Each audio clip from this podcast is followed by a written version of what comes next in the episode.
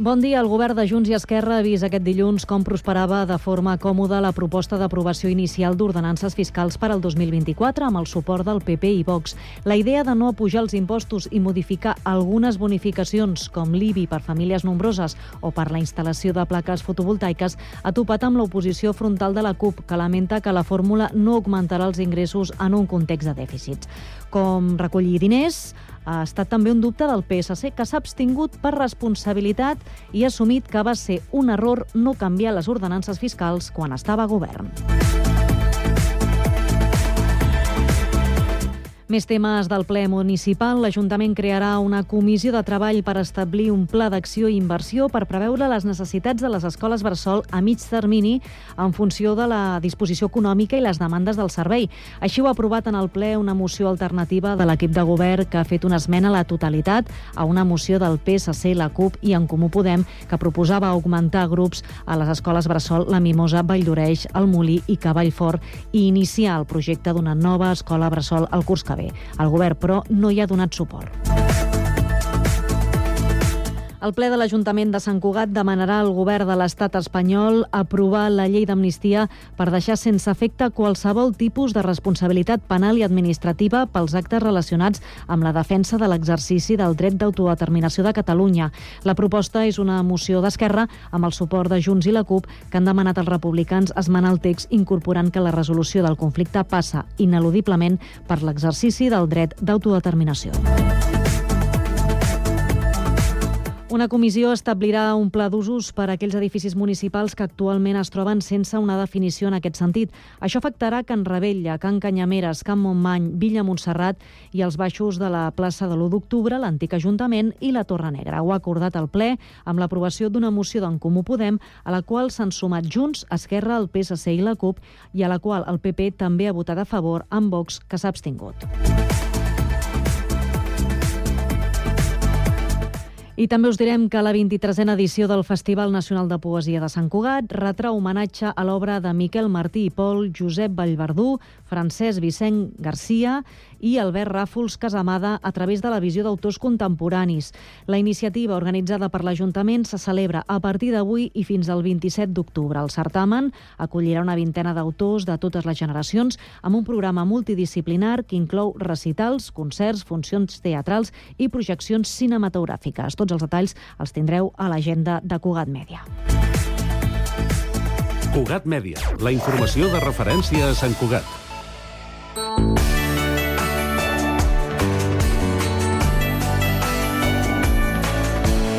Ràdio Sant Cugat, Cugat Mèdia, 91.5 FM. Hora Sant Cugat, a Ràdio Sant Cugat.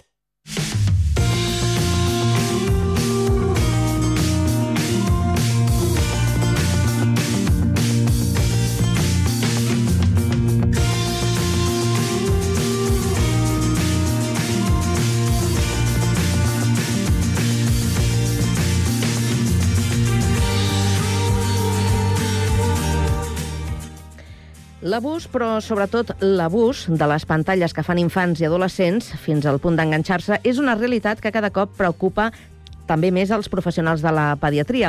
Per aquesta raó, l'Associació Espanyola de Pediatria ha elaborat una guia de recomanacions per a les famílies. Ens acompanya Ramon Capdevila, que és vicepresident de l'àrea professional de la Societat Catalana de Pediatria. Molt bona tarda, Ramon.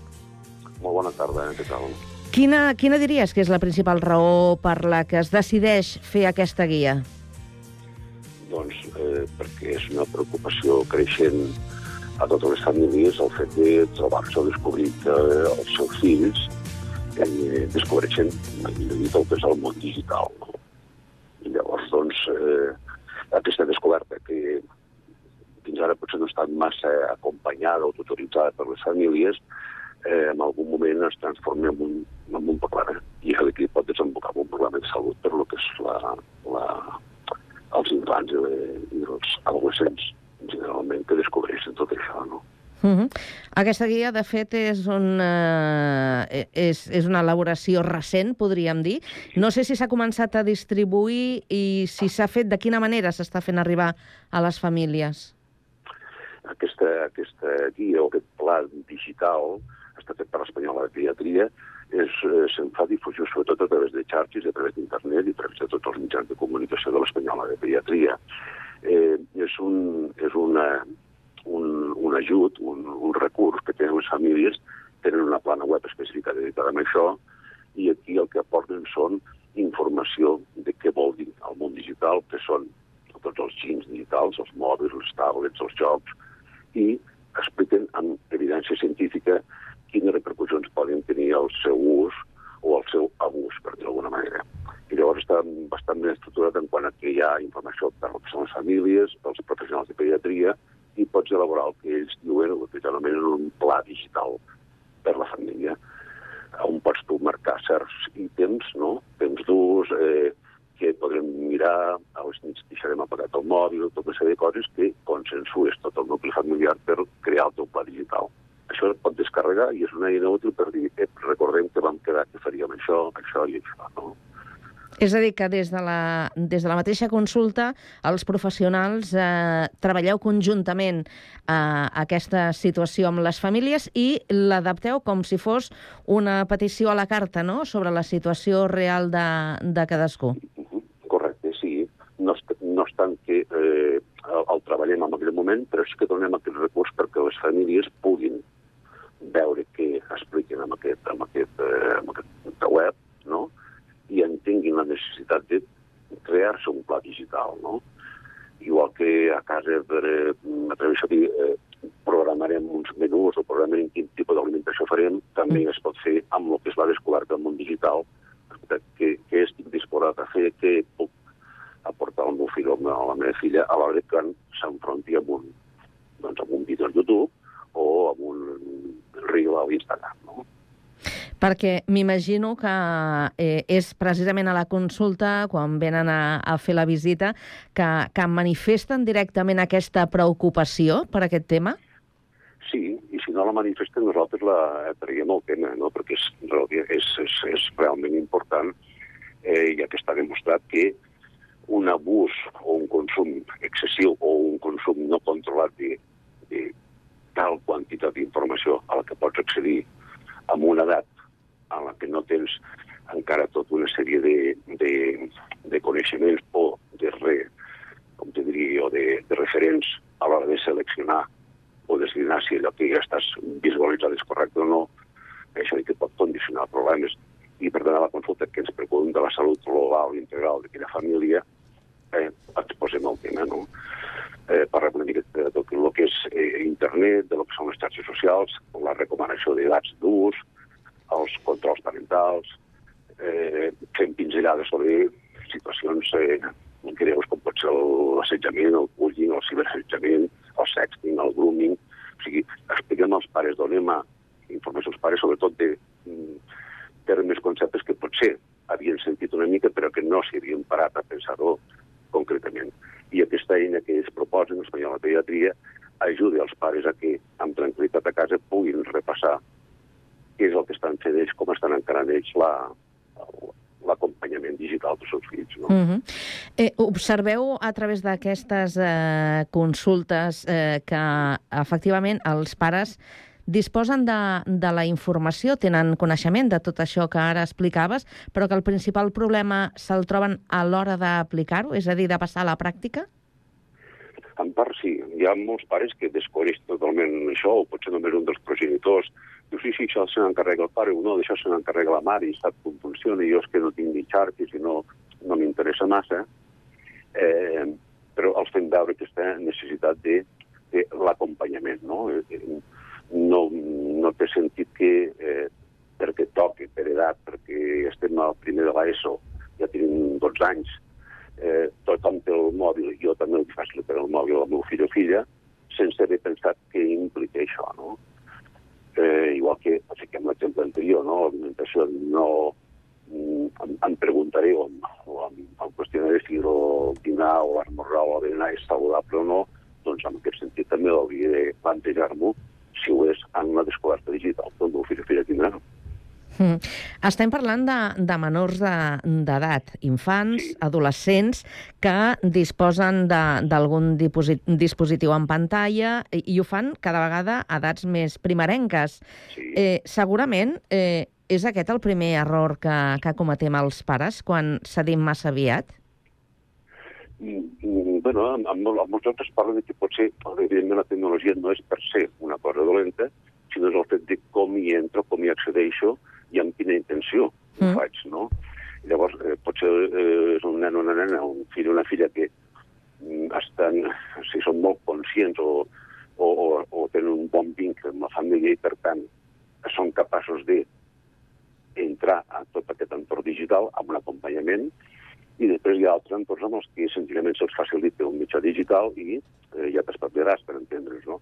Llavors no depèn tant de l'edat, sinó de lo que és el, nucli familiar, de com, de com en, eh, mantenim aquesta relació, no? Si eh, a l'hora de sopar sopem tots junts, si no hi ha mai pantalles perquè ens puguin distreure, si fem activitats, sortim al carrer, fem bicicleta, ens movem, si ja tenim una dinàmica familiar, potser serà més fàcil si aquesta dinàmica és pares amb horaris eh, difícils de, de, de compaginar amb la criança, eh, el que són els mitjans mòbils o les pantalles d'aquestes mainadera que en tenim, ficat un rato aquí a la tele mentre acabo de fer una cosa, eh, que, que, que l'acompanyament sembla que no és l'òptim, no?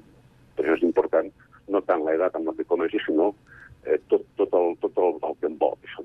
No?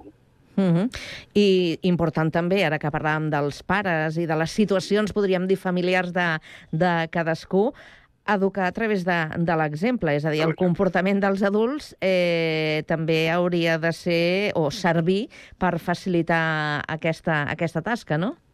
Correcte, correcte, clar. És, és, I sobretot els primers eh, anys de vida, no? que la, la qual els progenitors són, un, són un, una font d'informació importantíssima per a tots els petitets, no? Eh, amb el, allò que fem serà allò que entendran els nostres fills com que és el normal, allò que és correcte, no? Eh, si hi ha un habitabat, si hi ha un consum de, de pantalles a tot moment, si hi ha un, un pèrdua d'atenció perquè estem parlant amb el fill però ens fan una trucada, ens fan uns SMS, ens fan un WhatsApp i constantment doncs, entendrem que això és lo normal. I per tant l'exemple dels pares és bàsic aquí.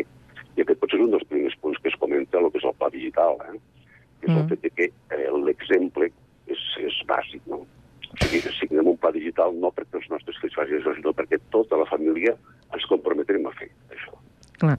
Eh, podem re- repassar, eh, ni que sigui ràpidament, de quina manera impacta aquesta tecnologia en la salut dels menors quan es produeix aquest abús? Perquè l'impacte és a nivell físic, també psicològic, però, evidentment, i ho estem veient, eh, mental. Uh -huh. Bé, a, a nivell físic, evidentment, hi ha tot un... Tant a nivell del neurodesenvolupament, a les, primeres, les etapes primerenques de la vida, no? Eh, està ja bastant demostrat en molts estudis que l'aprenentatge o la maduració, el neurodesenvolupament, eh, es veu entorpit per si hi ha un, una dependència excessiva de, de pantalles. No, no és el mateix aprendre amb algú que cara a cara, físicament, presencialment, et diu alguna cosa, que no ficar-te davant d'una tablet i escoltar una persona que està parlant en anglès perquè aprenguis anglès. Això està bastant demostrat. Eh, evidentment, això també comportarà uns problemes de son, no? aquest impacte constant, aquesta pantalla sempre il·luminada, dona un estímul, que farà que no entris en un bon ritme de son, això és molt típic amb els adolescents, que ja tenen un, un, un, un, un desfase a la, a, de, de l'horari del son del nocturn, i si a damunt ens anem a dormir amb el mòbil o el deixem connectat, aquest descans no és correcte. També una implicació a nivell físic pur i dur, no? que és muscular, oci, Mm. adoptem posicions, adoptem eh, eh, mm, bueno, bàsicament posicions que fan que forcem articulacions, eh, articulacions dels dits, articulacions dels polzes, tot el que és la zona cervical, aquella contractura muscular, aquell mal de cap, això aquí és evident, i també una implicació sobre tot el que és la- l'afectació visual. Sí, sí, això està demostrat. Eh, estem fent una generació, eh, parlant d'alguna d'aquestes repercussions, sobretot en l'aspecte físic, una generació, podríem dir, de miops. que sembla que els estudis marquen això d'aquí. Eh, el, el, el, el, el, aquella recomanació que hi ha que cada 20 minuts que està davant d'una pantalla, això per tothom ja, intentis desconnectar, no? mirar l'infinit, estar uns 20 minuts, uns 20 segons, sense fixar la vista en un lloc, inclús per pagetar sovint perquè hi hagi aquesta sequedat ocular, Mm. si això de que no ho complim o no fem aquesta, eh, aquesta higiene postural o aquesta higiene visual, evidentment a la llarga, després de tants dies i tantes hores, doncs passa passant a, a, a factura, evidentment. Sí. Eh, tornant a, a la guia, n'hem parlat al principi de la, de la conversa d'alguns aspectes que, que es destaca en, en aquest document, eh, entre ells marcar el, un límit de, de temps. Eh, clar, segurament em dirà que no hi ha un, unes hores eh, determinades per, eh, per poder dedicar a aquests eh, dispositius, que dependrà una mica de, de, de les situacions, de la criatura, de la família... Com es fa això? Doncs això es fa una miqueta avaluant situacions amb, amb certes franges d'edat, no? I, amb, i valorant, per exemple, eh, el temps de capacitat d'atenció que tenim davant de certa exposició, no? eh, el temps, ai, perdó, el, el que seria l'adquisició de coneixements, i s'ha vist clarament que quan passem més de certs minuts o certes hores davant de eh, una pantalla, una pantalla volem dir televisió, volem dir tablet, volem dir el mòbil, volem dir la, o la, la de, de joc, la Play, la, la Nintendo, per entendre'ns, tot això d'aquí hi ha diferències estadísticament significatives entre grups que passen menys hores i grups que passen més hores. No? Això és difícil a vegades de fer, extrapolar-ho cap a les edats més petites, i com que no hi ha una evidència clara, però veient com afecta les edats més grans, esperem sempre el principi de precaució de dir 0, 2, 0, 3 anys, no hi hauria d'haver-hi pantalles. La pantalla serà molt puntual, no? que és la típica trucada familiar perquè veiem els, la família, però no perquè el tinguem entretingut al nen o a la nena, el lactant al bebè, no? Estos cotxes que porten el, el suport per enganxar la pantalla perquè estem entretinguts, que estem fent un, un, no sé, un aperitiu, un refrigeri, això no té cap sentit. No, no. Mm -hmm. I respecte de les zones de...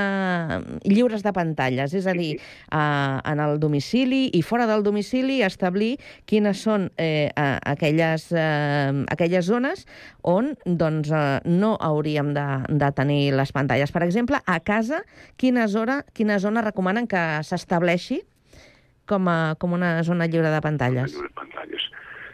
Eh, doncs tots aquells espais en els que siguin eh, de comunitaris i que en aquell moment es faci una, una activitat comunitària, el que siguin els àpats. Importantíssim que en aquell moment no hi hagi cap pantalla que interrompi o que interfereixi el que és el diàleg, no? A l'explicar què has fet avui, què ha passat avui, com t'ha anat, com et trobes, què, què tal està el dinar, com, com hem fet, com hem cuinat, no? Eh, aquest entorn que no està en un, un espai concret, sinó que eh, en aquests moments no hi hauria de pantalles. I l'altre molt important, evidentment, és l'espai de dormir, l'habitació de dormir, que aquí hi hauria d'haver-hi una, una limitació total de la pantalla per afavorir que quan són inclús durant la prim, una hora i mitja, dues hores abans d'anar a dormir, no hi, havia, no hi hauria d'haver hagut una exposició a pantalles, perquè això que retarda molt el que és l'entrada d'una fase bona de son. Correcte. Mm. I una altra de les qüestions, eh, recomaneu revisar els continguts periòdicament. Això aquí podem entrar en conflictes, no?, segons l'edat de, de, del fill o la filla. De l'usuari, correcte. Uh -huh. Bé, revisar els continguts vol dir fiscalitzar, és una paraula com a bastant dura i lletja, uh -huh. però tot depèn del que tu hagis acordat amb aquest pla digital. O no cal que hagis un pla digital si, si encara és aquesta descobert del món, del món digital com una oportunitat per encara eh, aferrar-te més, més vincle amb, el, amb el teu fill o filla, i llavors eh, potser no tindràs la necessitat de fer aquesta fiscalització. Senzillament un interès que estàs mirant, que veus, que és aquest cantant, perquè segueixes amb aquesta gent, aquest, aquest influencer, què vol dir influencer? O sigui, el fet de crear aquest diàleg pares-fills afavorirà que pots el teu fill o la teva filla espontàniament li diguin, mira, mira ara, o aquesta sèrie de Netflix m'ha agradat, o l'han comentat a classe, et sembla que la podríem veure? A mi també m'interessaria veure que la puc veure amb tu. O sigui, crear aquest clima de realment confiança, no? Si ens dediquem des del primer dia, bueno, tens el mòbil, però que sàpigues que hem instal·lat un control parental i de tal hora a tal hora no, i quan s'acabarà no vinguis a dir... Mm, no, són maneres de fer-ho evidentment la manera millor seria aquesta d'intentar eh, entendre que disposem d'una eina que l'hem de saber utilitzar, igual que tenim una bicicleta i ens ficarem un casc, o si fem un esport que s'arrisca, ens ficarem certes proteccions, o si tenim el cotxe, ens ficarem el cinturó de seguretat, si naveguem, si fem anar al mòbil, hem d'entendre que tot allò que ens pot aparèixer allà dona repercussió i, per tant, els pares són la nostra principal font de protecció, no? Doncs eh, en Ramon Capdevila, vicepresident de l'àrea professional de la Societat Catalana de Pediatria. Esperem en sortir-nos i, si més no, doncs millorar aquesta situació.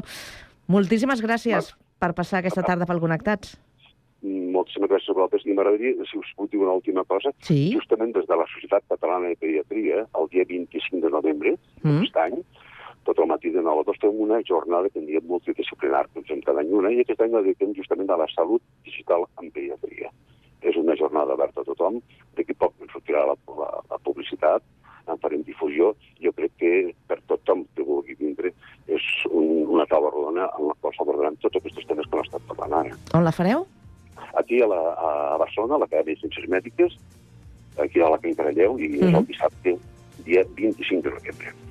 Molt bé, doncs eh, agraïts eh, per haver atès eh, la nostra trucada i haver participat avui al programa. Que vagi molt bé, bona tarda. Bona tarda, adéu, gràcies.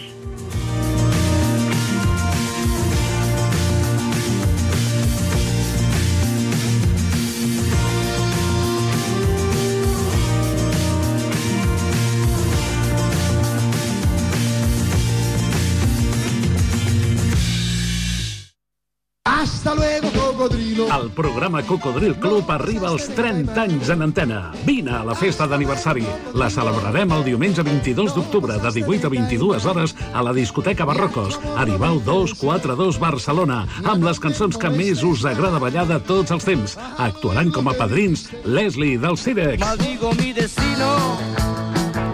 Mi estrella se eclipsó. i Santi Carulla dels Mustang. El diumenge 22 a partir de les 6 de la tarda a la discoteca Barrocos Aribau 242 de Barcelona 30 anys de ràdio 30 anys plens de bona música 30 anys de... Cocodril Club, el programa revival de l'Albert Malla. Hasta luego, cocodrilo.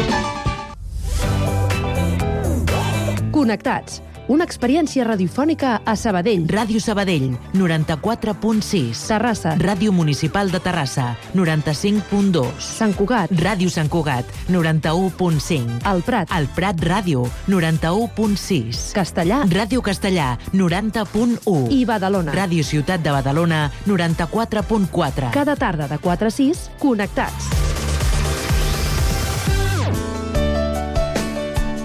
Ràdio Sant Cugat. 91.5 FM. Hora Sant Cugat, a Ràdio Sant Cugat. Continguts en xarxa.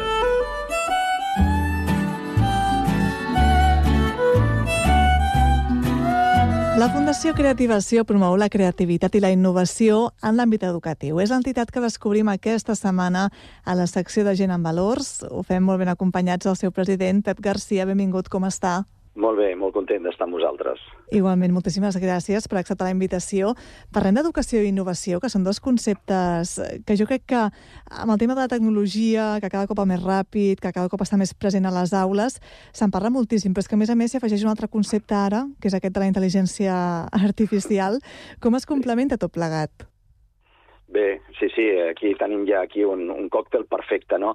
Aviam, nosaltres des de la Fundació Creativa, Creativació el que defensem és que mm, sempre hi haurà un component creatiu, innovador, no?, que comporta aquesta intel·ligència humana i que, i que mai tindrà una intel·ligència artificial. Òbviament, la intel·ligència artificial ens podrà ajudar en moltíssims camps, però sempre li faltarà aquella singularitat, no?, aquella essencialitat, aquella xispa, aquella disrupció que té, que té la creativitat humana. I per això nosaltres el que fem doncs, és fomentar a través d'una metodologia aquesta creativitat en a, a, que, que s'acaba aprenent, no? Eh, si s'acaba entrenant i orientar-la sempre a la innovació.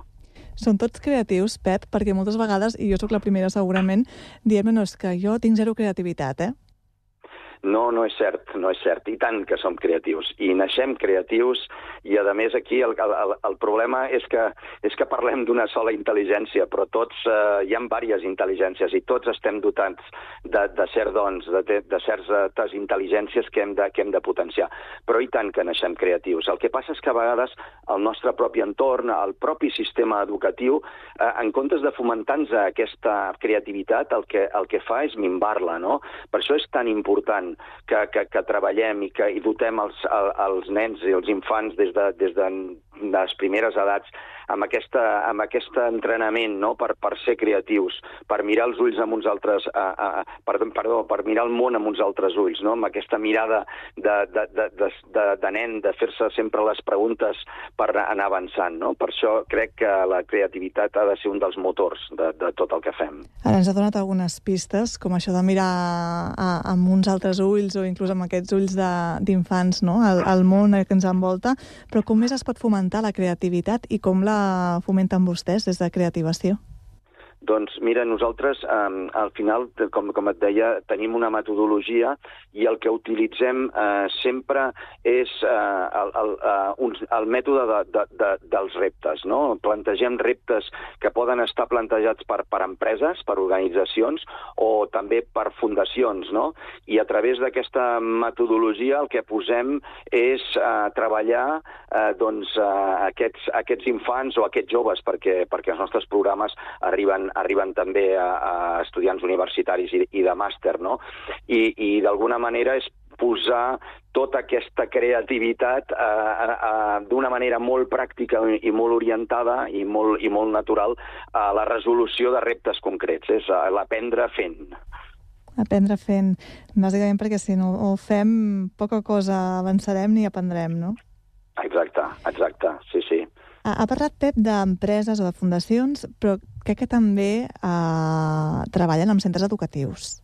Sí, bàsicament. Bàsicament treballem amb centres educatius i, i de fet, eh, eh per als nostres programes han passat més de 33.000 alumnes i més de 150 escoles. O sigui que, que ja tenim una xarxa d'escoles creativadores que ens han confiat amb nosaltres des del principi i que, i que realment eh, doncs ens sentim molt orgullosos perquè, perquè d'alguna manera estem fent una taca d'oli no? I, i, estem, i estem expandint no? aquest ecosistema creativador tan necessari. I què és el que veuen quan van eixamplant aquesta taca d'oli? Hi ha sorpreses? Sí, tant que hi ha sorpreses. La primera és, és, és, és sorprendre's un mateix del creatius que som, no? Quan tenim metodologia, vull dir, tenim, tenim una capacitat que és eh, inacabable, que és la nostra imaginació, no? I llavors, per exemple, quan, quan dèiem allò de mirar el món amb uns altres ulls, a la majoria d'emprenedors els, els, els anomenem visionaris. I, i el, el que hi ha en el món, vull dir, és, és el mateix per tots. El que passa és que unes persones veiem unes coses i unes altres persones veiem unes altres. Per tant, entrenar aquesta mirada, no? fer-se les preguntes correctes, no? és, és el que ens portarà a la creativitat i a la disrupció que ens farà també resoldre els grans reptes no? que tenim plantejats com a planeta i com a humanitat, que no són pocs ara. Pep, què és el Social Challenge? Doncs mira, el Social Challenge és precisament aquesta col·laboració que fem amb algunes fundacions, per posar-te alguns exemples, hem, hem col·laborat amb la Fundació Sant Joan de Déu, amb la Fundació del Futbol Club Barcelona, amb la Fundació contra la leucèmia de Josep Carreras, o, o la Fundació Lluita contra la Sida i les malalties infeccioses, o aquest any amb Open Arms, i el que fem és, amb uns estudiants de màster universitari, i aplicant tota la nostra metodologia intentem aportar valor a un repte que ens plantegen aquestes entitats, fundacions sense ànim de lucre. I aquí és, jo crec, on, on es veu la màxima potència de tot el que fem. Com posar aquest talent, aquesta imaginació, aquesta mirada, aquesta creativitat al servei d'unes unes, uh, uns objectius uh, tan, tan humans, tan dignes i tan meravellosos com els que propugnen aquestes fundacions que he anomenat. Aquest any Open Arms, quin repte s'ha proposat? Doncs precisament Open Arms, eh, que, que treballa amb, amb, amb, amb aquesta tasca immensa que fan de, de, de, de, de recollir migrants del mar, pues, pues és, és com sensibilitzar a més persones eh, d'aquesta gran problemàtica no? I, que, i que, que aquestes persones estiguin disposades a, a posar el seu gra de sorra i a col·laborar perquè, perquè aquesta fundació pugui, pugui eh, tenir més recursos per, per, per, posar, posar en pràctica tota aquesta immensa tasca que estan fent. Pep, hem parlat de centres educatius, hem parlat d'empreses o de fundacions, però què passa a casa amb les famílies? Com es pot despertar Bé, la creativitat? Aquesta és una altra de les potes importants, no? perquè si treballem, treballem a, a les escoles però després a casa a casa no, no, no, no, no som coherents, no? O, o, jo crec que les famílies hem de ser conscients de que, de que una part molt important de l'educació eh, s'ha de fer a la família. És a dir, no podem delegar únicament l'educació dels nostres fills a les escoles i, per tant, hem de ser... Eh, jo crec que els pares hem de jugar molt més temps amb els nostres fills, hem d'evitar moltes hores de pantalla i hem de, i hem de jugar molt més amb els nostres nanos i nenes des de, des de, des de que són petits, no? I, i pensant en que, en que són, són persones per fer i que, i que neixen tremendament creatives i que el que hem de fer nosaltres és potenciar aquesta, aquesta creativitat, aquest talent eh, o talents amb els que tots naixem, no? Per tant, els hem de dedicar temps, carinyo i, i, i creativitat. En aquest programa ens agrada moltíssim parlar de valors i jo m'atreviria a dir que la, crea la creativitat com a tal ja n'és un de molt, de molt gran i de molt preuat, però quins altres valors diria que es desperten amb la creativitat? Mira, nosaltres, eh, per, per nosaltres, per la Fundació, és molt important, és molt important que, que un, una sèrie de valors inspiradors que volem fomentar amb tots els alumnes i amb totes les persones que passen pels nostres, pels nostres programes creatius. No? Els valors bàsics que, que, que nosaltres pretenem, pretenem eh, fomentar són la cooperació, no? la iniciativa, eh, el compromís, la confiança en un mateix i amb la, i, i amb la resta de persones, perquè també eh, nosaltres ajudem o, o, o, o ensenyem a, tra a treballar en grup. No? Altres valors que també són molt importants per nosaltres són l'inconformisme, no? eh, que, que és molt important en els joves, i per què no, també parlar de l'exigència, no? perquè al final, eh, quan, quan, quan s'assoleixen unes fites importants, sempre hi ha un, un, un grau, un grau d'exigència. No? Per tant, per nosaltres els valors són fonamentals i, i, i per això tenim la sort de coincidir en el camí amb, amb aquestes institucions amb les quals compartim valors, no? escoles, instituts, universitats, escoles de negoci, fundacions, però també empreses no? que, que, que, que ens ajuden, que fan el camí amb nosaltres no? I, que, i que moltes d'elles també apadrinen els nostres reptes, no? perquè nosaltres, més que, que, que, que parlar de patrocinador, ens agrada parlar de padrins, no? que, que, que apadrinen una part de, de tot el que nosaltres fem. Pep Garcia, president de la Fundació Creativació, moltíssimes gràcies per passar avui per Valors a l'Alça per parlar de com es pot promoure i per què és important promoure la creativitat i també la innovació, especialment en l'àmbit educatiu entre infants i joves. Moltíssimes gràcies, bona feina. Moltíssimes gràcies a vosaltres per donar-nos veu. Moltes gràcies. Una abraçada.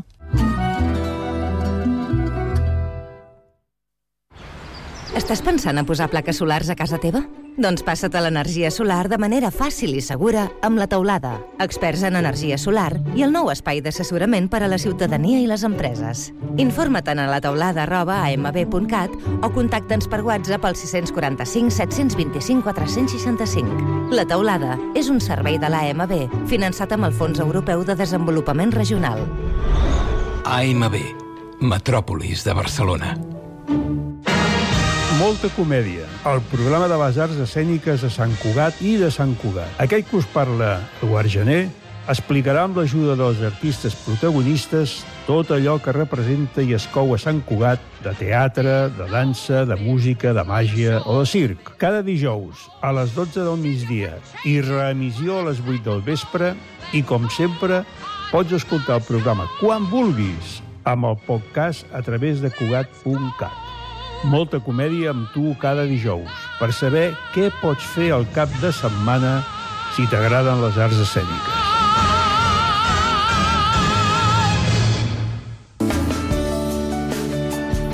Ràdio Sant Cugat 91.5 FM Hora Sant Cugat, a Ràdio Sant Cugat. Continguts en xarxa.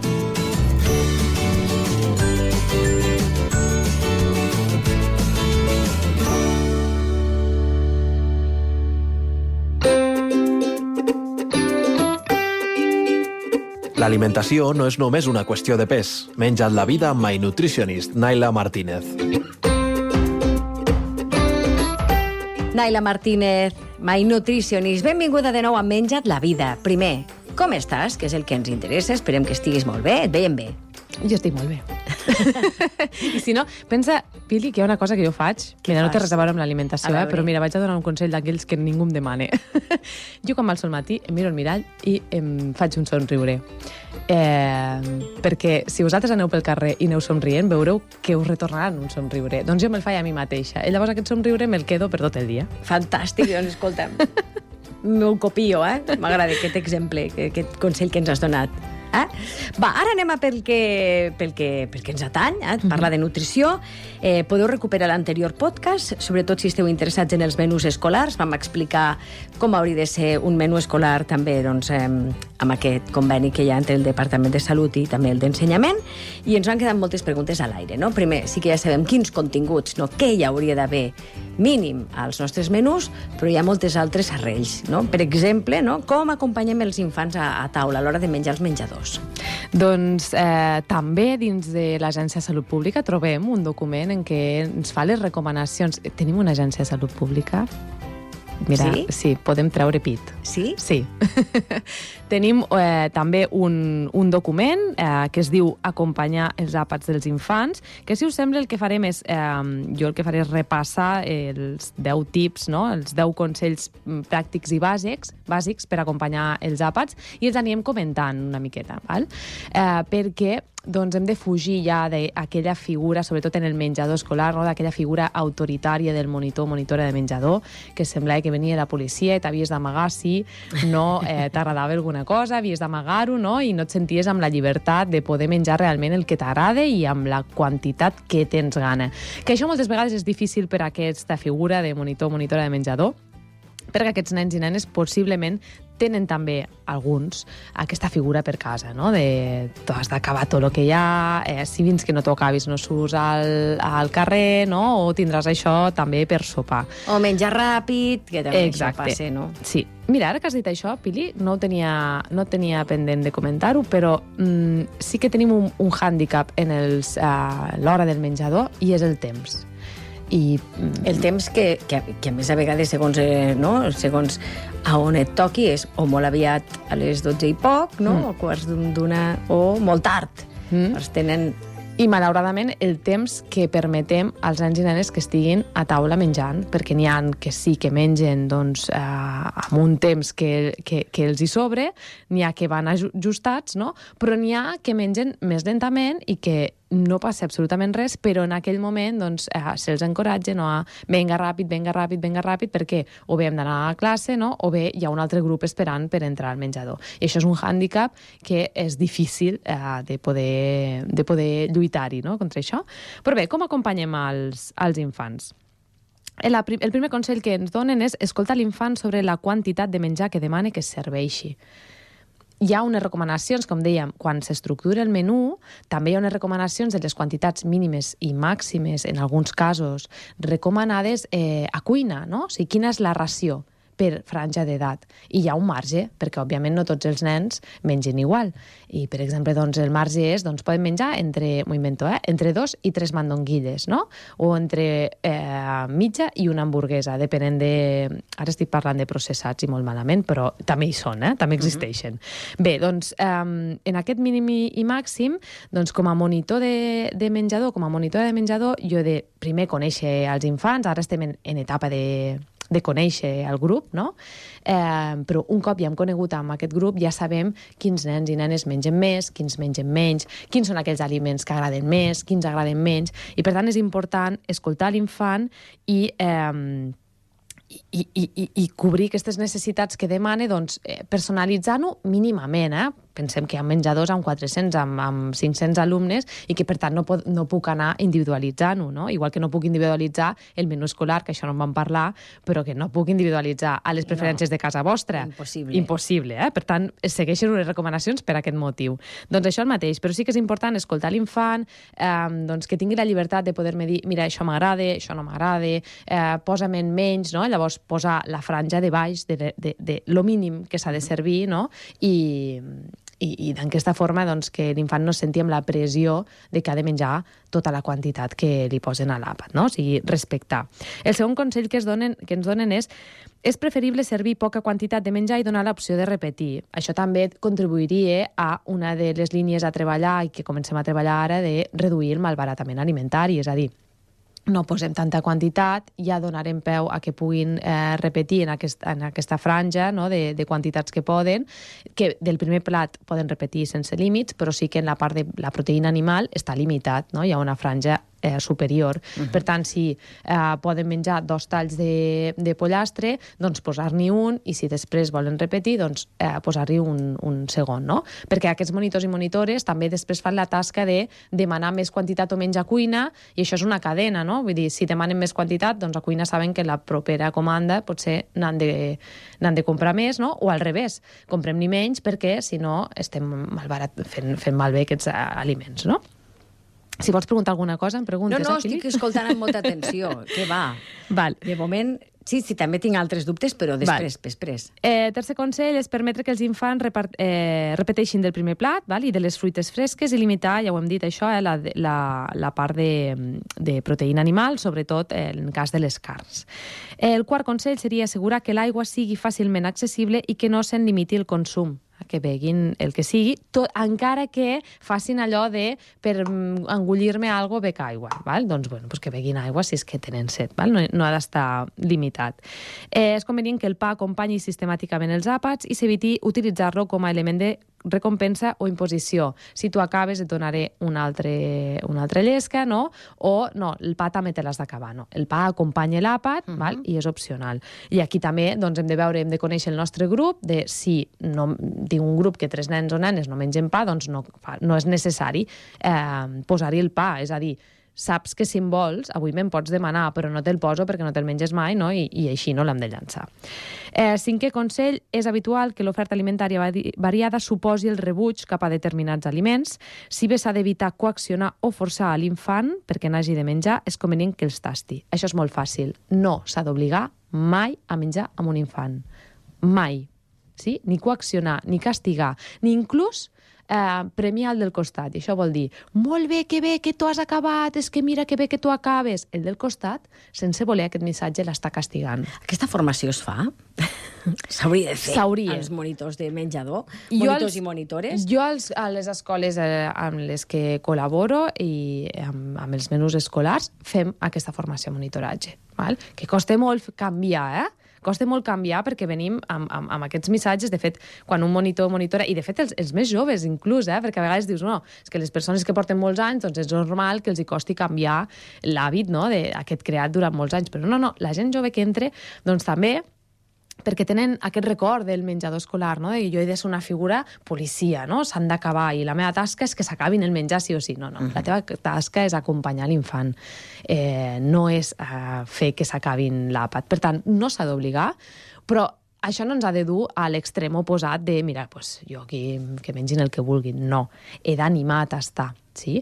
He d'animar a tastar, però animar a tastar pot ser que avui simplement tastin una fulleta d'enciam que quasi és ínfima, que ni es veu, i, i, i felicitar per haver-ho tastat. I ja està, i no en vol menjar més, no passa res. Ha, ha menjat una fulleta. El següent dia tornem a animar a tastar. Potser aquella fulleta serà una miqueta més gran o potser seran dos fulletes. Sí? Per tant, no obligar, no castigar, no eh, dir-los frases com fins que no t'ho acabes no s'usa al pati a jugar, no?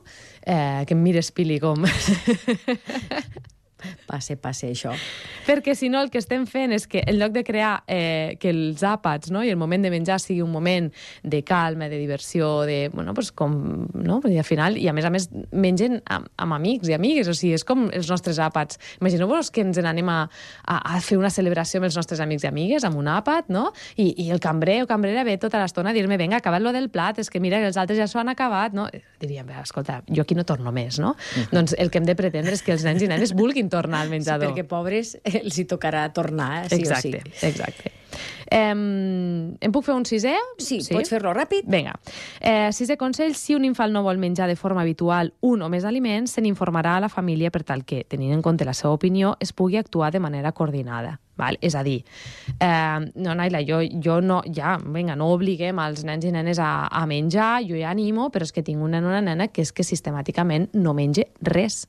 Bueno, doncs aquí, primer, hem de preguntar al nen o la nena què està esmorzant, perquè com ja vam parlar en el podcast d'esmorzars, eh, vaig comentar que a vegades el temps que hi ha entre el mig matí i el dinar és molt petit, no? és, és molt curt, i per tant els nens i nenes arriben a dinar que no tenen gana, perquè potser doncs, han fet un esmorzar que per amb ells, eh, calòricament, no? energèticament, representa un dinar, i per tant no tenen gana. Llavors, la tasca del monitor monitora és preguntar eh, per saber què està passant i si és algo sistemàtic i veiem que doncs, hi ha un problema, doncs s'ha d'avisar la família a veure com ho abordem, això. No? Però mai, i, i, i informar la família que obligar no és, no és la solució. Per tant, com ho gestionem? Donem menys eh, menjar per esmorzar, per a veure si així pot, eh, pot menjar una mica més a, a l'escola Eh, doncs, i animem a la família doncs, que, que pugui també ser un acompanyant de l'infant i no un policia a casa, no? doncs per anar tots a una. Clar, perquè de tota manera tampoc es pot, no? Tampoc podem deixar que l'escola ho resoli. Primer ho hem de resoldre tot a casa. Hem de fer aquesta tasca de prova-ho, no? Mira, casa meva, de dir... Saps què diem a casa meva? Diu la Naila que fins que no ho proves 10 vegades no saps si t'agrada o no. Bueno, la, no, espera, la teoria, no, no, la, la evidència científica ens diu 20. 20? Però, doncs, però, imagina't, però la pràctica, i segurament em donareu la raó si ho feu, eh, jo podria dir que fins a 100 vegades que no hem tastat, perquè al final el paladar s'adapta també als sabors, no? a les textures, per tant s'ha de tastar. I després una cosa molt important que has dit, Pili, i que m'ha fet recordar, eh, que no hem de deixar la responsabilitat de, del menjar als menjadors escolars, en, en el sentit de dir, mira, a casa menja el que vulguis perquè ja al menjador ja te donaran Ja dones, sí, i ja prendràs, no? No, la responsabilitat de l'educació alimentària, igual que amb la resta eh, d'educació, no? de, de la tasca educativa bàsica, l'hem de fer com a pares, mares, famílies, a casa nostra. Naila, et seguim a Mike Unet Baix Nutricionist a l'Instagram i t'esperem un altre dia aquí al Menja't la Vida. Una abraçada gran! Una abraçada, adeu-siau.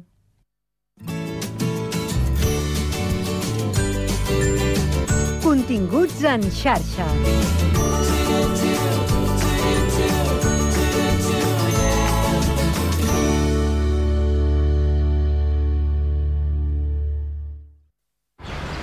Estàs pensant a posar plaques solars a casa teva? Doncs passa't a l'energia solar de manera fàcil i segura amb la teulada, experts en energia solar i el nou espai d'assessorament per a la ciutadania i les empreses. Informa't a la teulada arroba amb.cat o contacta'ns per WhatsApp al 645 725 465. La teulada és un servei de l'AMB finançat amb el Fons Europeu de Desenvolupament Regional. AMB, Metròpolis de Barcelona. Molta comèdia. El programa de les arts escèniques de Sant Cugat i de Sant Cugat. Aquell que us parla Eduard Gené explicarà amb l'ajuda dels artistes protagonistes tot allò que representa i es cou a Sant Cugat de teatre, de dansa, de música, de màgia o de circ. Cada dijous a les 12 del migdia i reemissió a les 8 del vespre i, com sempre, pots escoltar el programa quan vulguis amb el podcast a través de Cugat.cat. Molta comèdia amb tu cada dijous per saber què pots fer al cap de setmana si t'agraden les arts escèniques.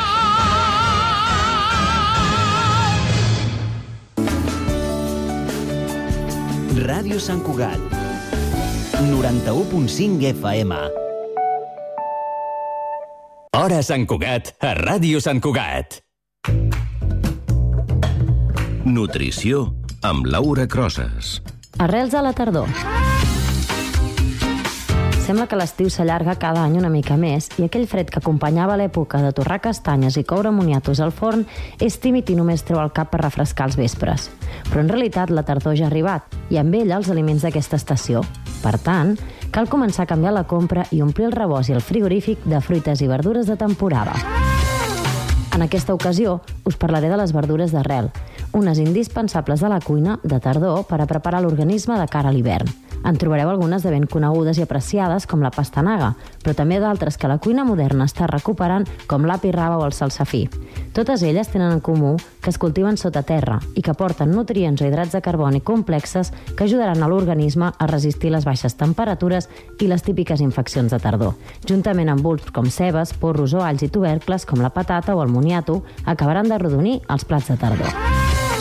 Altres arrels, a més de les citades, són els rabanets, els naps, les remolatges o la xirivia. Si les coneixeu, sabreu que difereixen molt en sabor i colors, fet que les fa encara més interessants per a crear plats apetitosos. Per exemple, la pastanaga i la remolatxa dolces i de colors taronja i vermell intensos respectivament serveixen per a fer cremes o ratllar-les en cru a una amanida, o fins i tot per fer-ne algun postres. El rabanet pot donar un toc picant i cruixent en trans vegetals o també amanides, i la xirivia pot ser un puré ben fi per acompanyar una carn o un peix.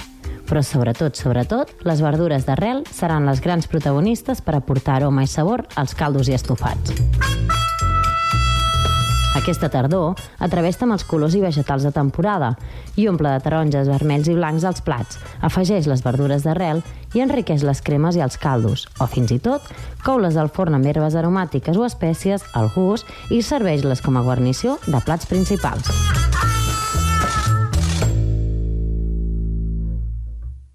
Hora Sant Cugat, a Ràdio Sant Cugat.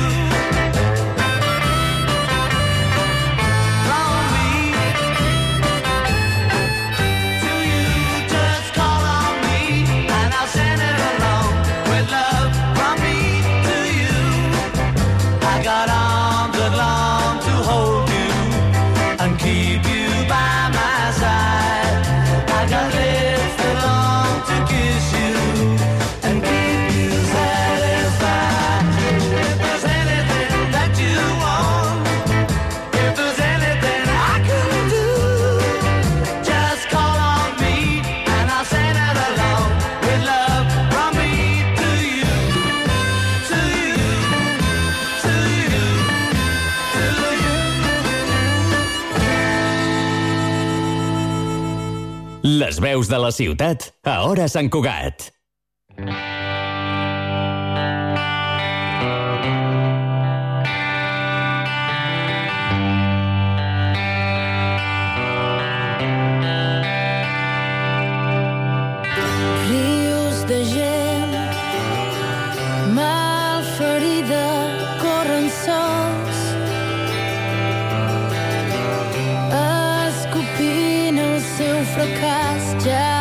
one so.